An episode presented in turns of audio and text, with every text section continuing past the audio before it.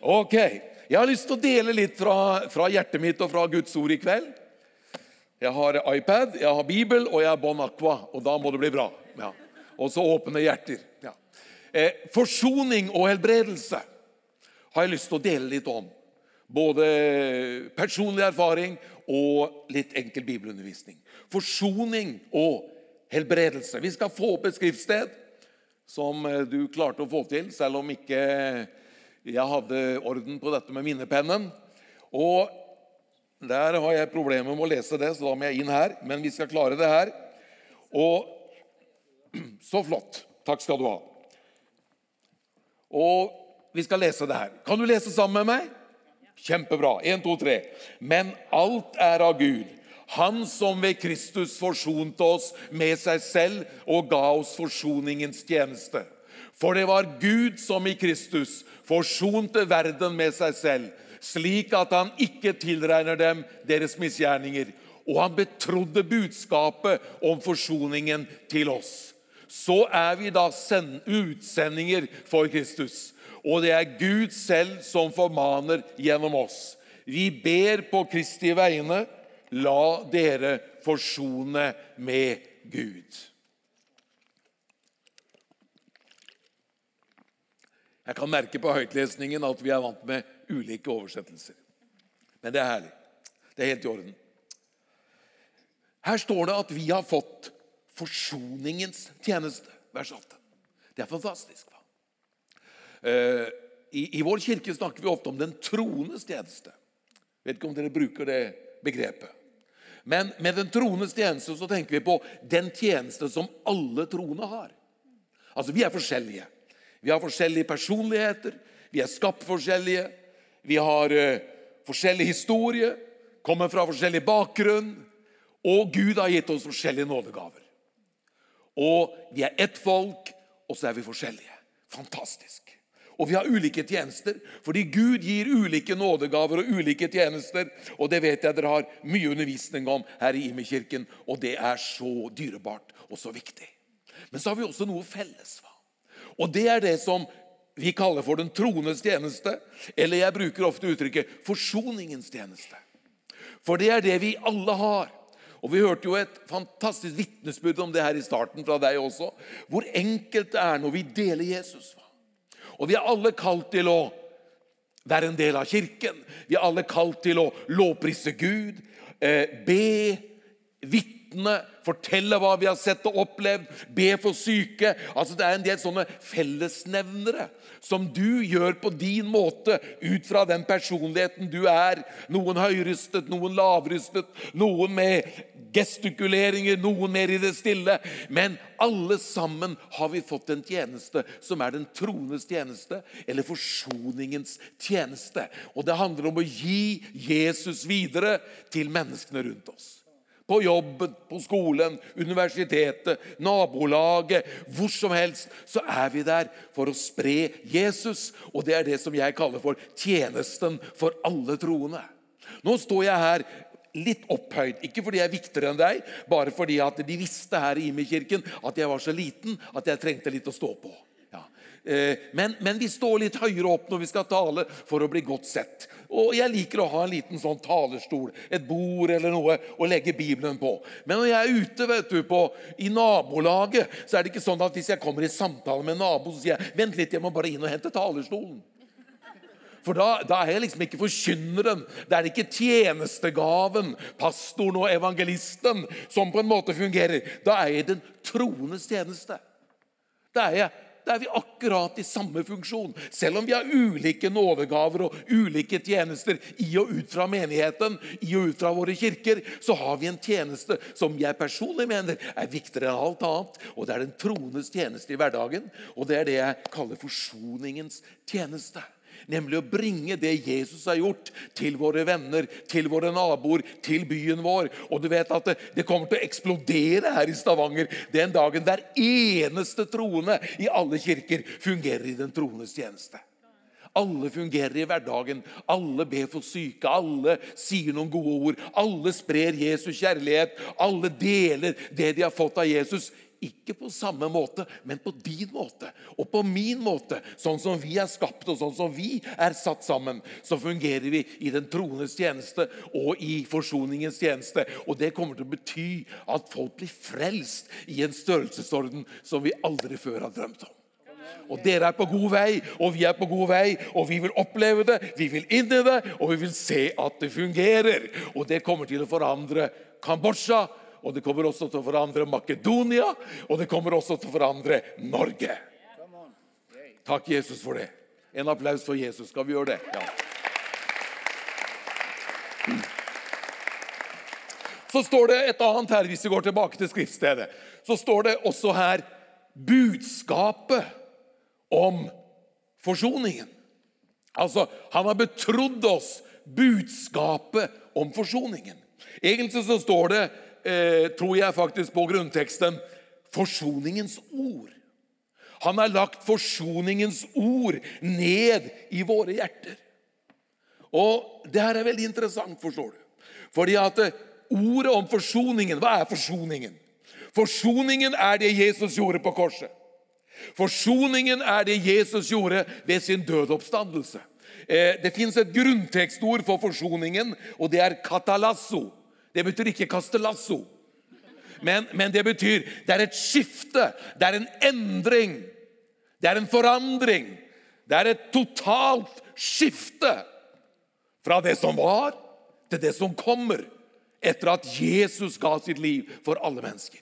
Og Hva leser vi her? Jo, vi leser at Kristus, eller Gud, har gjennom Jesus Kristus forsonet hele verden med seg selv. Ikke bare du og jeg som tror, ikke bare du og jeg som går i kirke, men alle er fra Guds side forsonet. Hvilket budskap til Kambodsja, Makedonia, Norge og alle land i hele verden og alle mennesker på kloden. Gud har forsonet seg med deg. Nå kan du forsone deg med Gud. Altså Du kan ta imot. Du vet, Vår Gud er på tilbudssiden. Jeg elsker å si det. Vår Gud er på tilbudssiden. Mange har en Gud som er på kravsiden, men vår Gud er på tilbudssiden. Priset være hans navn for det.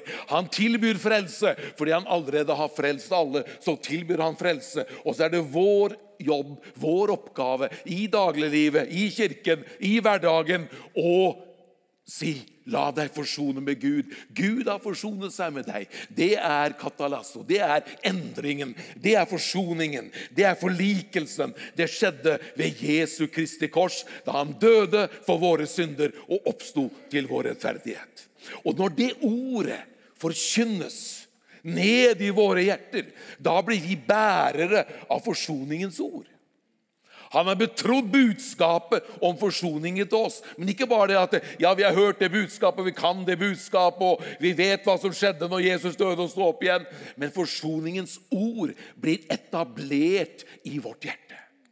Og jeg tror det er det viktigste av alt i våre kristenliv. For jo mer du har av Guds ord i deg, jo mer kan Den hellige ånd bruke deg.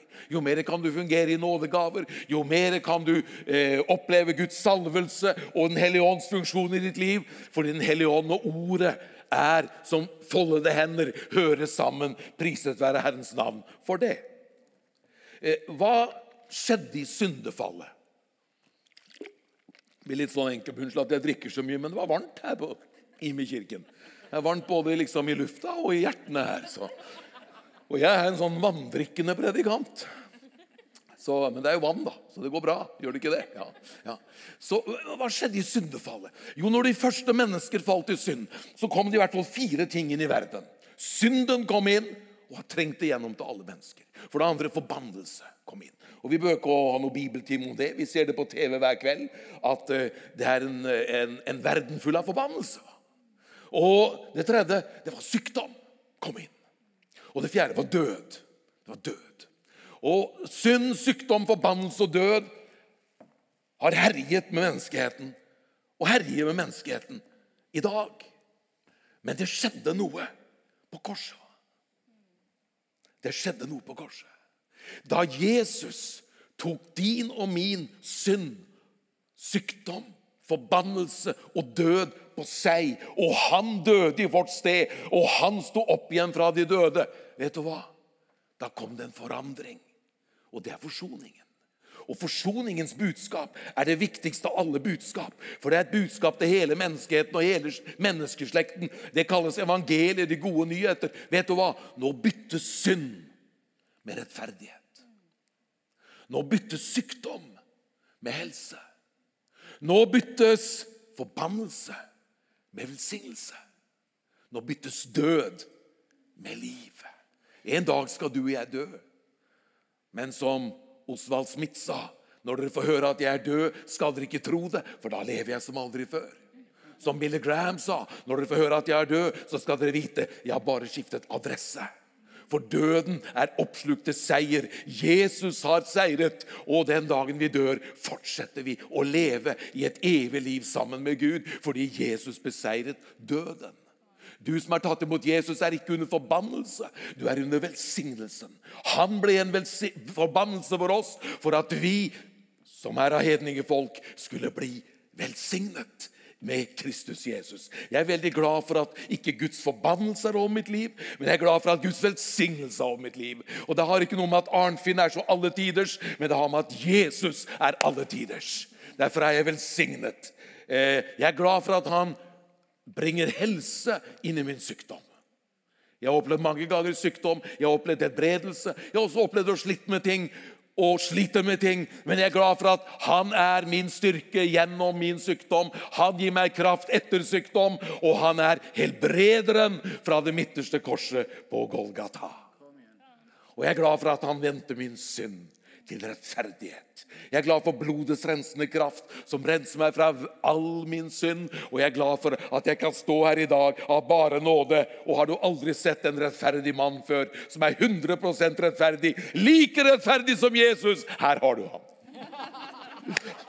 Da vil jeg si halleluja. Ja. Og du er like rettferdig som Jesus. Ja, men jeg har falt og jeg syndet, sier du. Ja, det hender med oss alle. Men vet du hva? I Kristus Jesus er du 100% rettferdig på grunn av ikke deg, men på grunn av det Jesus har gjort. Er du glad her i kveld? Yes, det her er gledesmøte. Vi holder på å snakke om Jesu forsoning. Hør her. En dag vil denne forsoningen slå igjennom 100 en dag i den himmelske verden vil det aldri mer være synd, aldri mer være sykdom, aldri mer være forbannelse, aldri mer være død.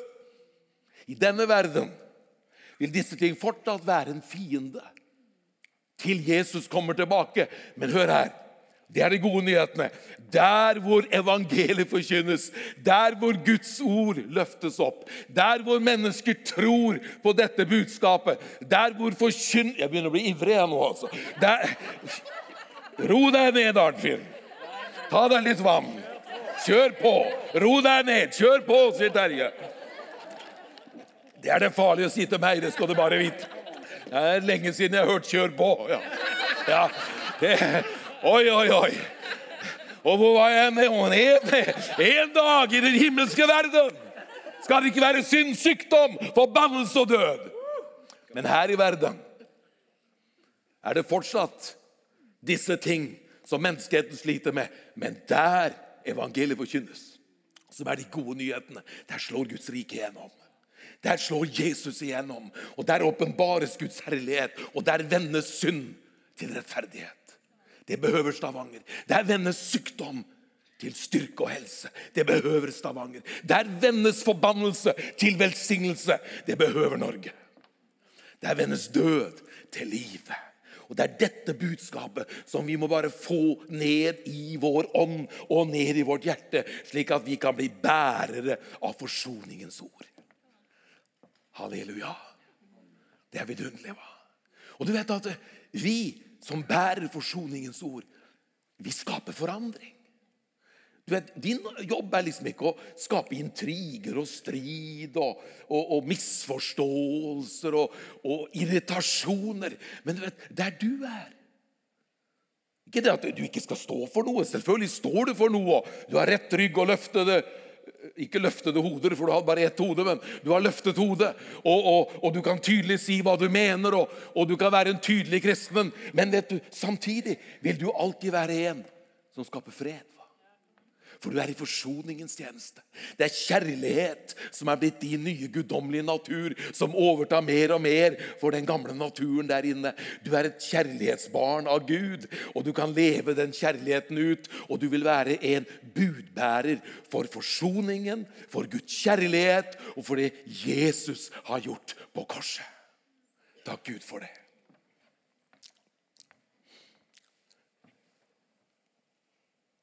Kan jeg holde på litt til? Ja. ja.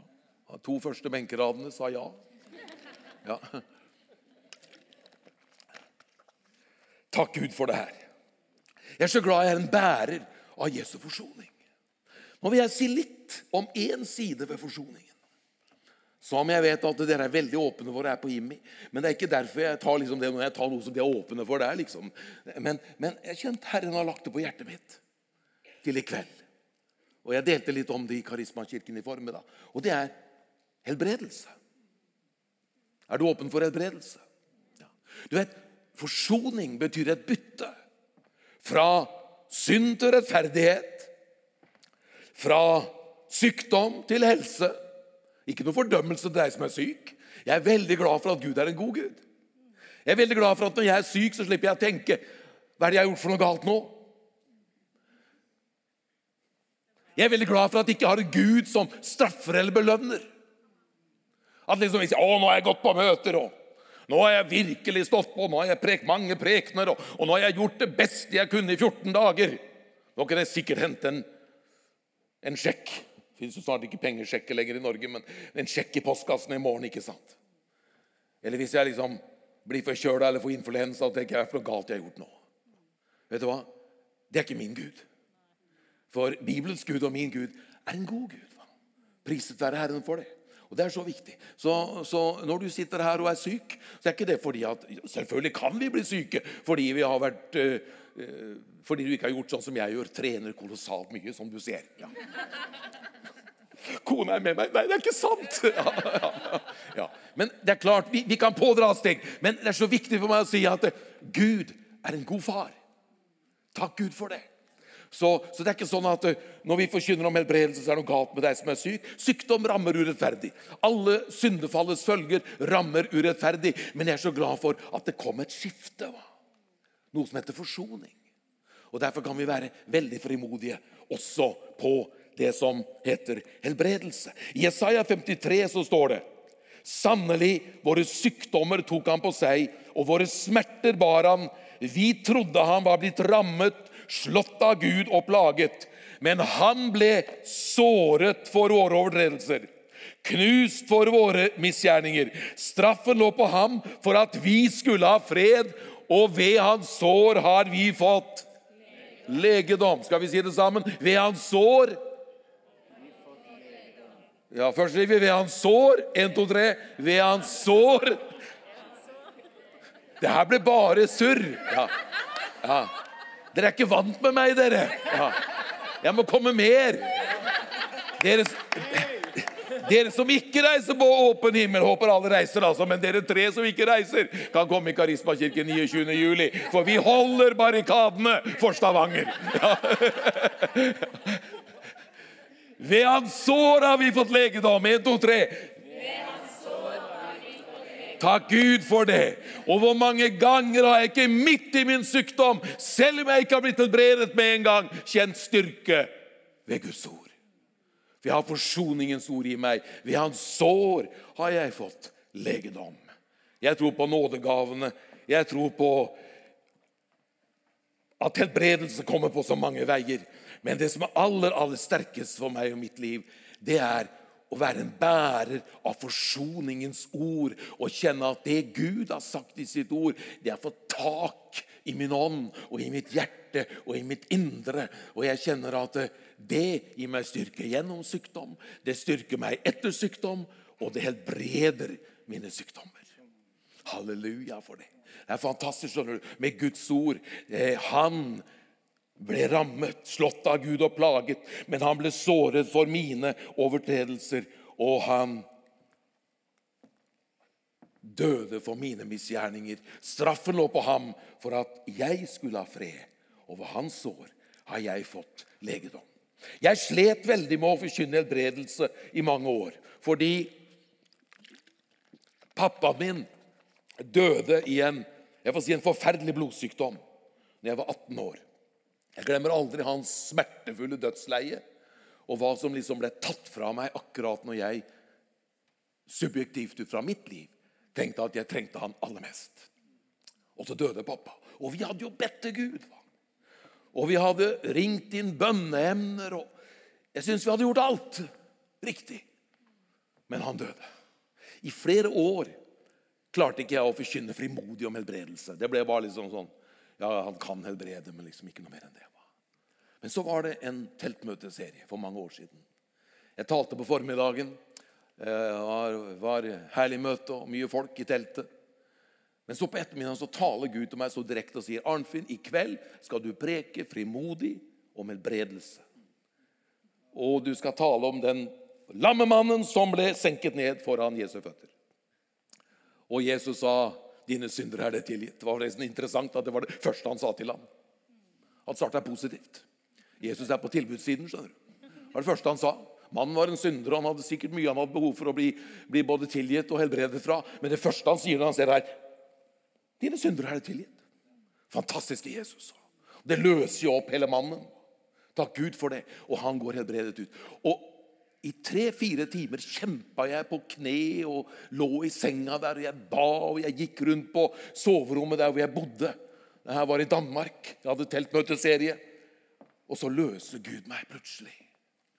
Og så, jeg, men, så fikk jeg ikke noe svar på hvorfor pappa døde. Det er mange ting vi ikke får svar på. Det her er liksom ikke matematikk. Det er ikke alt som går opp. ikke sant? Og, så Jeg fikk ikke noe svar på det, men Gud sa til meg Arnfinn, det er aldri et nederlag når en kristen dør.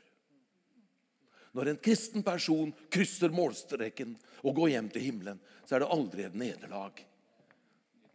Og så sier han med en sånn mild røst sier Arnfinn, jeg har ikke kalt deg til å forkynne din erfaring, men mitt ord. Oi, oi, oi. Det slo meg helt ut. Jeg forteller min erfaring, jeg forteller det her og nå, men mitt budskap er at Jesus har makt til å lege her i kveld. Og jeg sier det med tro og bevisning fordi jeg har sett det gjennom eh, mer enn 40 år i forkynnelse og i pastortjeneste, at han er i gårdens dag den samme til evig tid. Den kvelden fikk jeg oppleve det første virkelig som jeg ved nåde fikk være involvert i. Helbredelsesmøte. For du vet, det tok av den kvelden. Og, og, og, og, syke ble friske, og til og med folk vi ba for flere mil unna, responderte etterpå og sa det skjedde noe når dere ba på det teltmøtet. Og vet du hva? Siden da så er jeg frimodig.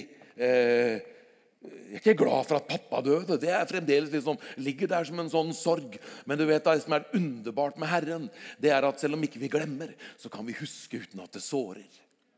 Når Herren har lekt oss i vårt indre så kan vi huske uten at det sårer mer. Og så kjenner jeg takk Gud at du rørte ved meg, og takk at du fikk Arnfinn til å bli en frimodig predikant, også når det gjelder helbredelse. Skal jeg avslutningsvis, Nå har jeg kommet en ca. ti minutter inn her og fått innledet. Nå skal vi gå inn i siste delen der. Går det bra? Har du det fint? Veldig godt. Det er så godt å være her. Jeg har lyst til å bare trekke ut tiden. Det er så, ja. Det er så, det er så fint. Være blant venner og kjenne denne tryggheten. Vet du hva? Det er Gud helbreder på ulike måter. Jeg bare si noen måter. Vi, vi, snakker om forsoningens tjeneste. Vi snakker om at det viktigste i helbredelsestjeneste er å ha forsoningens ord på innsiden. Og skjønne hva det betyr at ved hans sår har jeg fått legedom. For liksom, det, er ikke, det, er ikke, vi som skal prøve å være spektakulære eller spesielle eller ha noe merkelig. Det er Jesus som har gjort det. men et av de ordene som er sterkt for meg, det er Matteus, det er unnskyld, Markus 16. Der står det noen sånne kjennetegn på de troende. Det er derfor jeg kaller det for de troendes tjeneste, eller forsoningens tjeneste. I Markus 16, fra vers 15 til 20. Du kan lese det hjemme senere. Og Der står det forskjellige tegn på de som tror. Det står om overnaturlige ting, eh, tungetale, eh, drive ut onde ånder. Men så kommer det en setning, og så står det 'når de legger hendene på syke', skal de bli friske. Det er et voldsomt ord. Og jeg, jeg, jeg satt hjemme og tenkte på det ordet nå når jeg forberedte meg til denne søndagen, jeg Gud, gi meg en ny åpenbaring på det ordet der. Og Jeg fikk kanskje ikke så mye ny åpenbaring, men jeg fikk liksom igjen tenke at når Arnfinn, i tro på det Jesus har gjort, full av forsoningens ord, troen på Golgata, Jesu oppstandelse Legger min hånd Jeg har ikke verdens peneste hånd. Jeg har slitt med litt sånn eksem og litt forskjellig. jeg har klødd mye på fingrene. Ikke så pene hender som jeg kunne hatt. Og her fins det sikkert noen unge jenter i tenåringsalderen som har nydelige hender. Og noen har kanskje røde negler, negler. Og, og ja, Liss Bente holder på der hjemme. Hun bruker så mye tid på disse neglene. Jeg må bare få sagt det. For det er så frustrerende, altså. Ja, ja. All den tid disse damene bruker på uvesentlige ting. Ja, ja. Jeg, må, jeg må, bare, må, bare, få det ut. Ja. Jeg tør ikke å si det i vår egen kirke. Jeg må bare få det ut! Ja, ja, ja. Jenta mi, vær velsignet. Jeg er kalt å velsigne, vet du. Ja, ja. Hun rister på hodet. Det er ikke første gangen. Men vet du hva? Det som er så fantastisk, hva? det er at når vi legger våre hender på de syke skal de bli helbredet. Ja, men er ikke sikkert alle blir Jeg sier ikke at alle jeg har lagt hendene på, har blitt friske. Det, jeg kan ikke si det. Og det skal jeg være helt ærlig på. Det, men, men, vet du hva? men likevel kjenner jeg at det ordet gir meg tro. Arnfinn, du kan legge hendene på de syke, og de skal bli friske. Ja, men Hva slags bønn skal jeg be? Behøver ikke å be. Så ikke noen bønn her. Vet Noen ber så lenge at salvelsen forsvinner. Ja. Jeg hørte om noen som skulle be for en syk. Dette er litt sånn på kanten. Men det var et par eh, jeg tror eldstebrødre i en pinsemenighet. Jeg må jo ta det fra der hvor jeg kommer selv. Og, og, de ba for denne som var veldig syk, og eldre menneske og sånn, som var på vei til himmelen egentlig. Men, men, men eh, men de ba veldig, og så skulle han ene be. Og han ba og han ba seg rundt hele jorda. Han ba for alle misjonærer. Og han ba, han ba, han ba. han ba. Og han, å Gud, du ser Kina, og Gud, du ser India, og Herre du, å, han, han ba, han ba, han ba. Og når han endelig var ferdig med å be, så sier han hvordan gikk det med den syke? Og Så sier den andre stølen han døde da du var i Kina. Ja, ja. Så, så det, det er liksom ikke men, men, men, det som frigjør meg her, er at det, det står bare 'Arnfinn, og legg hånda på en syk'. Du er sikkert frisk, men ja, men da, da, da er det greit, da. Ja. Og de skal bli friske. Så, så, det har altså ikke noe med hvor fin bønn du ber. Selvfølgelig ber vi ofte en bønn når vi er ledet av Den hellige ånd. Vi kan bruke åndens gaver, kunnskap, visdomsord, profeti. Eh, jeg utelukker ikke noe av det. Men jeg har bare lyst til liksom down to earth her i Immerkirken i kveld og si det det står her Arnfinn, du og du og du, legg hendene på de syke. Og de skal bli friske. Hvor mange her har minst én gang i livet blitt helbreda? Du er sikker på at Jesus grep inn? Å, det er fantastisk. Det er, det, det er knallsterkt å se. Er... Har jeg bedt for deg? Skjedde det noe?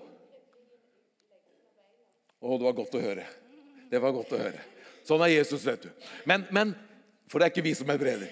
Men det, det, var jo over halvparten av forsamlingen. Det er jo fantastisk. Men hvor mange av dere har lagt hendene på syke minst én gang? Vet du hva? Det var enda flere. Det var enda flere.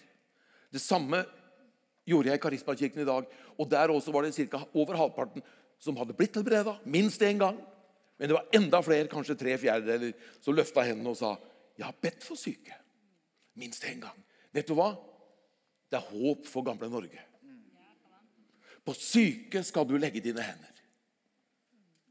Og de skal bli friske. Ja, Men hvis det ikke skjer, vet du hva? Det er ikke ditt ansvar.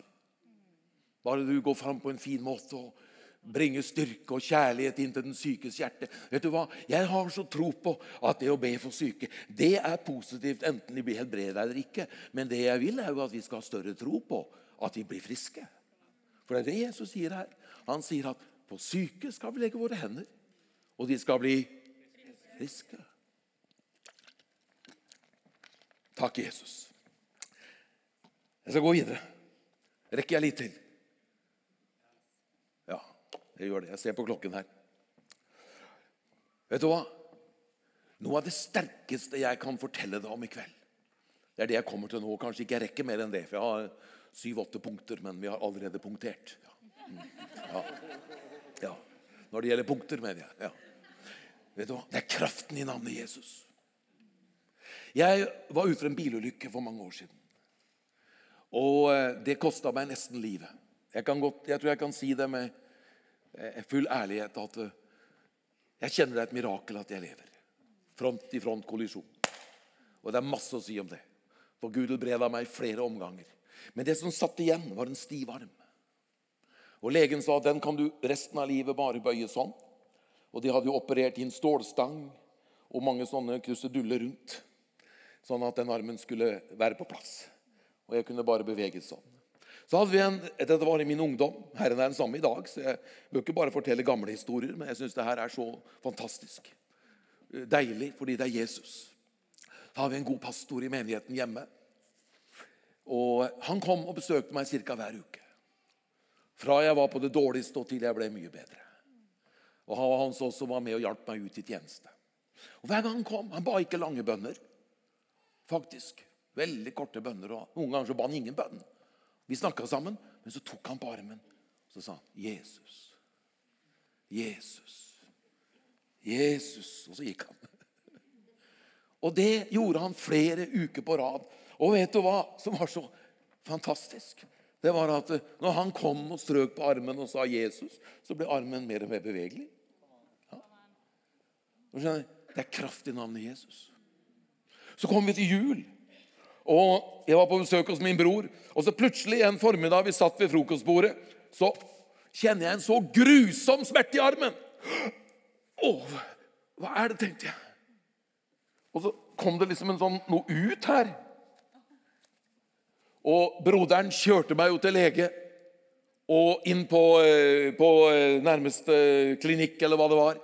Og så kutta de sånn. Så dro de ut ei stang.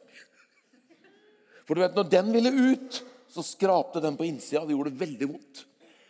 Og så fikk jeg time på sykehuset. Og så tok de ut alt sammen. Så skal ikke du få fordømmelse selv om du har blitt operert og har noe stål i Dette står om å ha stål i ben og armer. Det er bare fint, det. Ja, så, så det, er, det, er, ikke det som er mitt poeng. Eh, eh, men hør her. Vet du hva? Jesus er bred av denne armen. Og den er altså blitt så myk at den er, har vært siden Dette er jo 40 år siden. Den har siden vært mykere enn den. Jeg kan bevise det, for jeg får den lenger opp på ryggen enn den. Og nå tuller jeg ikke. altså Jeg gjør mitt aller beste her. Ja. Ja. Så, så, det er liksom Det er liksom superarmen til Arnfinn. Ja. ja. Som liksom noen fotballspillere har venstrebenet. ikke sant? Ja, venstrearmen. Ja. Pass deg for den. Men vet du hva? Det var, det var Jesus som gjorde det her. Er ikke det fantastisk? Og så har jeg et enkelt budskap her i avslutningen i kveld. Og Det er at det er en sånn utrolig kraft i navnet Jesus. Det er herlig å fungere i åndens gaver. Det er herlig å legge hendene på syke. Men vet du hva? navnet Jesus. Alt det Jesus er Hør nå. Og alt det Jesus har gjort, finnes i hans navn. Jeg skal si det igjen, for det er viktig. Alt det Jesus er, og alt det Jesus har gjort, finnes i hans navn. Så det er liksom ikke sånn at ja, det står ikke i Bibelen, ja, jeg gir dere navnet Jesus, sånn at dere vet en måte å avslutte bønnen på. liksom. I Jesu navn. Amen. Ja. Det, det, det, kjære Jesus, og noen, noen ganger sier Jesus, Jesus, Jesus. Det er ikke et mantra. Men vet du hva det er? Det er et kraftfullt navn. Og når Peter kommer, ledet av Den hellige ånd til tempeltrappen, og det sitter der til tempelet, og det sitter en lam mann der Jeg vet ikke om han stoppet for alle lamme menn, men denne dagen så kjente han at troen tente. Han var full av Guds ord. Du vet, Når du er full av Guds ord, når du er en bærer av forsoningens ord, så kjenner du ofte troen tenner. Nådegavene fungerer. Den hellige ånd er virksom inni deg. Og så kjenner Peter han vil jeg legge mine hender på, sier han i Jesu Kristi av Nasarets navn. Stå opp og gå. Og så står denne mannen opp, og så går han, og så løper han. Og så blir Peter avkrevd en forklaring på hvordan dette skjedde. Og Du kan se eller notere deg Apostlenes gjerninger 3.16. Du har Johannes 3,16, men hør Apostlenes gjerninger 3,16. Ved troen på Jesu navn har dette skjedd. For det navnet hør her, det navnet har gitt styrke til denne mannen, som dere ser og kjenner. Det er navnet. Ved troen på Jesu navn ba jeg for den syke. Navnet Jesus ga styrke til den mannen jeg ba for. Den tro vi får gjennom dette navnet, har gitt mannen full følelighet igjen, slik dere alle kan se. Takk Gud for det. Fantastiske Jesus. Fantastiske Jesus. Vet du hva? Mange av dere er brukt i en helbredelsestjeneste. Du brukes til å helbrede relasjonene mellom Gud og mennesker. Forsoning. Du brukes til å helbrede relasjoner mellom mennesker. Fordi du er der med Guds kjærlighet, så brukes du i forsoningens tjeneste. Du brukes også til å gjenopprette helbredelse i mennesket.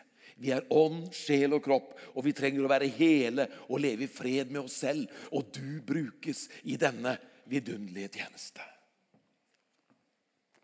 Takk Gud for det.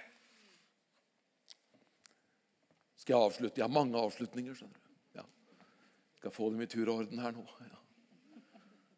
Jeg satt hjemme i stua mi her i Stavanger og var full av bihulebetennelse. Og jeg hadde vært det alltid fra guttedagen av, minst to ganger om vinteren. Og jeg visste at når vinteren kom, så kom bihulebetennelsen. Det sprengte i hodet, og det påvirka meg psykisk. Jeg kjente jeg var nede for telling. Jeg, jeg ble fortvila når det her kom. og jeg, å, Det var en plage. Ikke at det er den mest alvorlige sykdommen, men det plaga meg. Og Jeg var hjemme en formiddag, tok fri og prøvde å presse meg på. og presse meg på, Men hadde voldsomme hodesmerter og tettet opp i hodet. Og så ringer det på døra. Ding dong, dørklokka. De spente går ut. Og så står det en eldre dame i menigheten på rundt 80 år. Margit. Og hun var liksom en av de gamle eh, sikkert vært sånn i alle mulige kirker og, og, og, og vekkelsesbevegelser, men i, i pinsebevegelsen hadde vi noen sånne gamle, herlige evangelister. Og hun var en sånn evangelistsøster som skulle fram med evangeliet. Med gitar i den ene hånden og bibelveske i den andre hånden og snø til hit. For fram skulle evangeliet. Ja.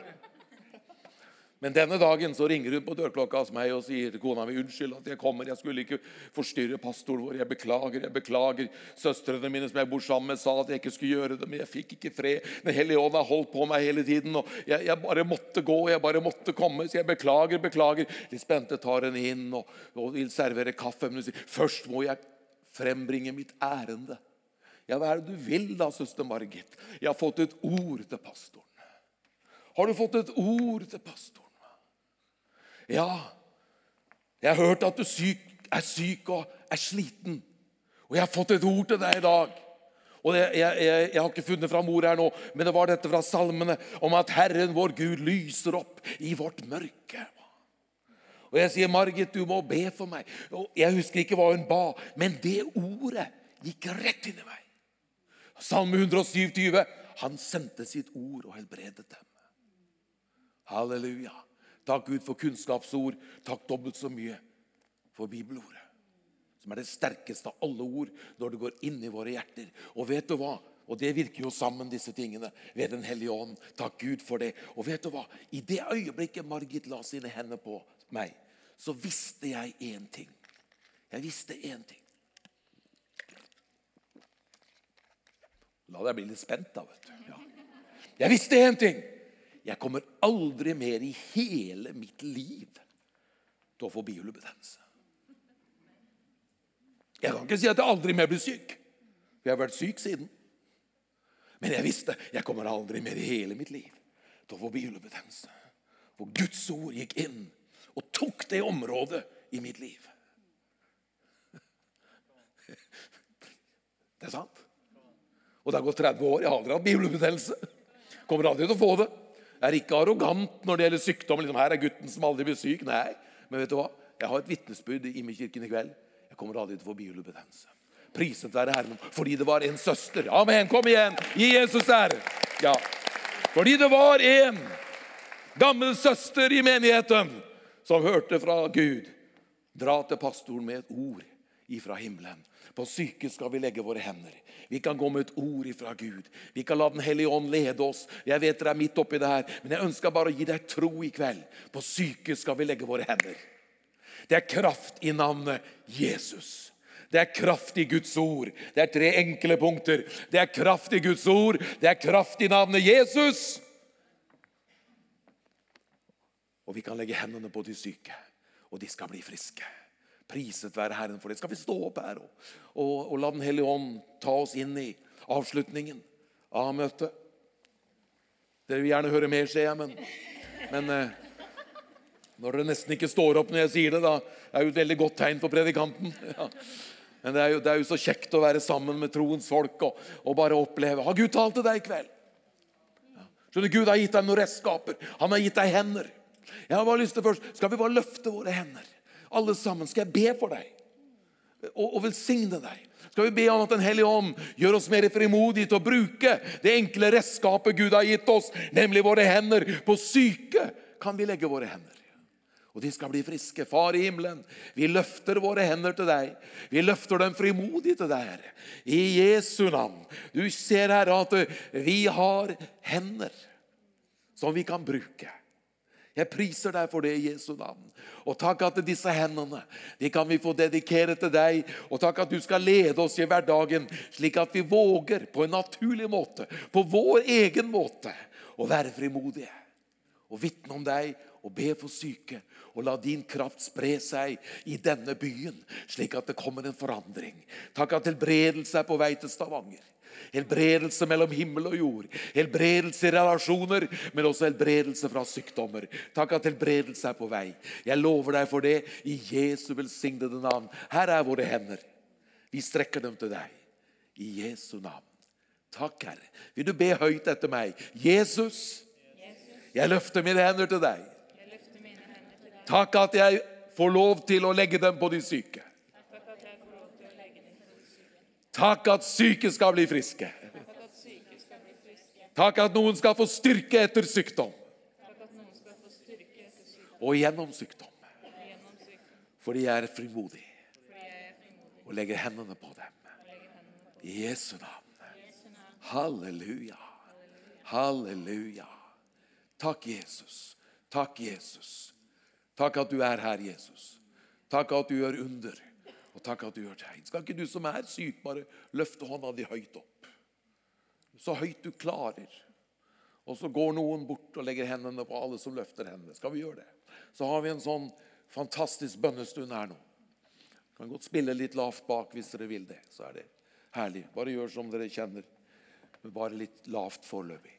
Takk, Jesus. Bare løft hånda di høyt opp skal vi forløse Guds kraft her i forsamlingen i kveld.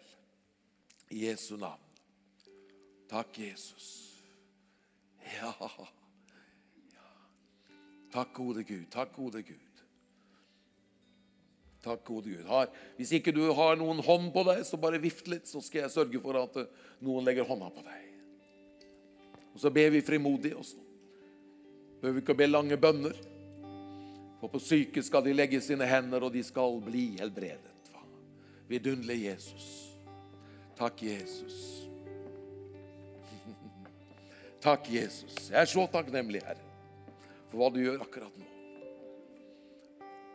Inn i muskel og skjeletter, inn i mage og tarm, inn i hodet. Inn i hjertet, inn i lunge og nyrer og lever inn i ben og muskler. I Jesu navn. Din Hellige Ånd og din salvelse strømmer ifra korset på Golgata. Jesu navn. Kraften i din oppstandelse. Kraften i din oppstandelse. Takk, Jesus. Takk, Jesus. Ha. Ja, bare legge hendene på litt til og la, la, la Guds kraft komme. Noen skal få oppleve øyeblikkelig at det skjer noe. Andre er det en prosess. Andre er bare så slitne og trøtte og skal få kjenne at Jesus gir styrke i kveld. Ja, jeg er Herren som styrker deg. Jeg tror det er en hellige ånd som sier det til noen her spesielt. Selv om det lyder veldig generelt. Men du vet om det er til deg. Jeg er Herren som styrker deg. Halleluja. Jeg er Herren som styrker deg. Takk Gud, takk Gud. Takk Gud, takk Gud. Takk Gud, takk Gud. Takk Gud, takk Gud. Ja. Amen. Amen. Ja. ja. Hold fast på det her. Nå har du blitt lagt hendene på. Gud har satt noe i gang. Herren kommer til å møte deg på overnaturlig vis. Kanskje noen bringer deg et kunnskapsord og en profetisk hilsen i løpet av de kommende dager eller her i kveld. Men det viktigste er det Guds ordet som sier at ved Jesus sår har vi fått legedom. Har vi fått legedom? Har vi fått legedom? Takk, Gud i himmelen. Takk, Gud i himmelen. Takk, Gud i himmelen.